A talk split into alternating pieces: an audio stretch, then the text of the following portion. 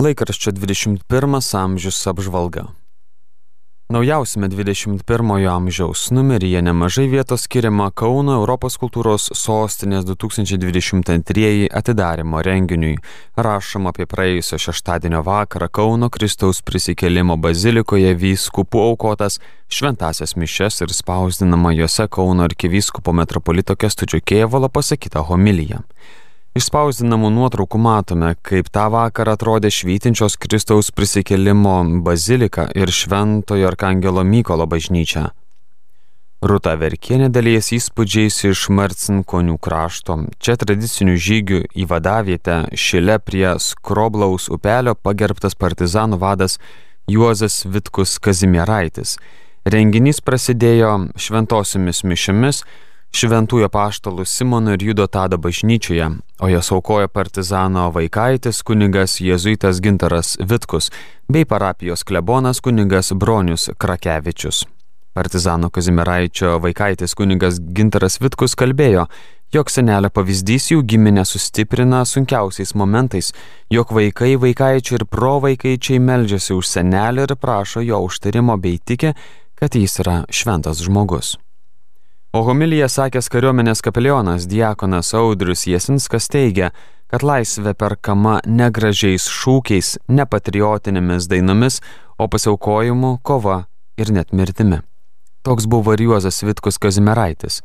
Mes kiekvienas esame sukurtas pagal mus mylinčio Dievo paveikslą, nes sugebame mylėti. Kazimeraitis yra panašus į Dievą, tėvynės meilį jis pasakė taip, niekada neištarė ne. Jis labai mylėjo savo žmoną, ją visada vadino genute. Tačiau jis labai mylėjo ir Lietuvą.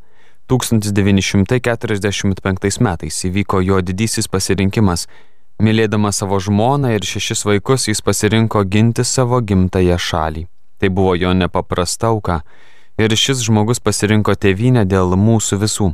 Pasirinko mus, kad mes gyventume laisvėje. 1945 metais Kabeliuose Kazimeraitis parašė priesaiką, kuriame užkoduoti labai svarbus dalykai. Mano gyvenimas taip suskirstytas.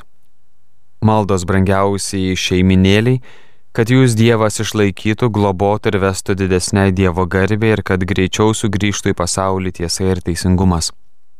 Mano darbai Lietuvai tėviniai, mažinant neteisybės, skriaudas, guodžiant nusiminusius ir vilties nustojusius, o mano vargai bei nepritekliai patirtas šaltis nuovargis darganos ir gilus širdies skausmai išgyvenimai už skaistykloje kenčiančias sielas. Jo šeimos nariai tvirtina, jog tai veikia visus giminaičius ir kiekvieną atskirai, gal todėl jų giminėje yra dvasininkų, medikų, menininkų.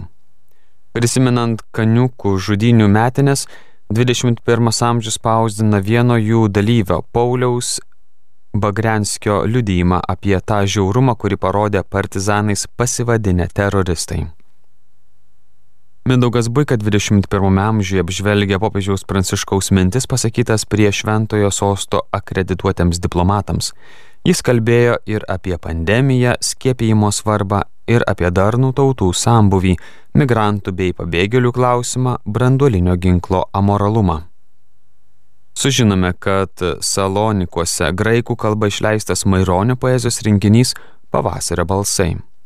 Dar viena aktuali tema Seimo kibrokštas jau du kart sausio 11 ir sausio 18 balsavus už svetimų raidžių vartojimą lietuvių kalbos abecelėje, nors net Konstitucinis teismas tam nepritarė, tačiau dauguma Seimo narių šį kartą nepaisė. Įvairūs autoriai 21 amžiuje šiuo klausimu vėl išsako savo nuomonę nors prezidentas tokį įstatymą antradienį pasirašė.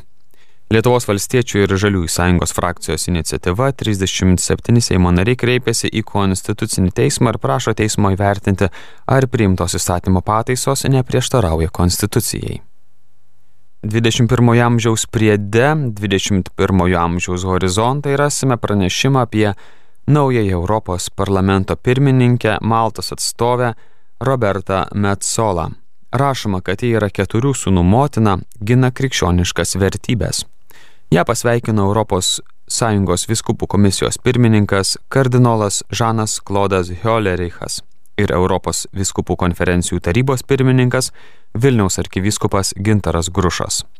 Lietuvos arkiviskupas linki naujai Europos parlamento pirmininkai darbuotis dėl mylimo žemynų, prisimenant jo krikščioniškasias šaknis ir pagal popiežiaus pranciškaus mokymą siekti, kad jis taptų tikra tautų šeima, taikos ir vilties žemė.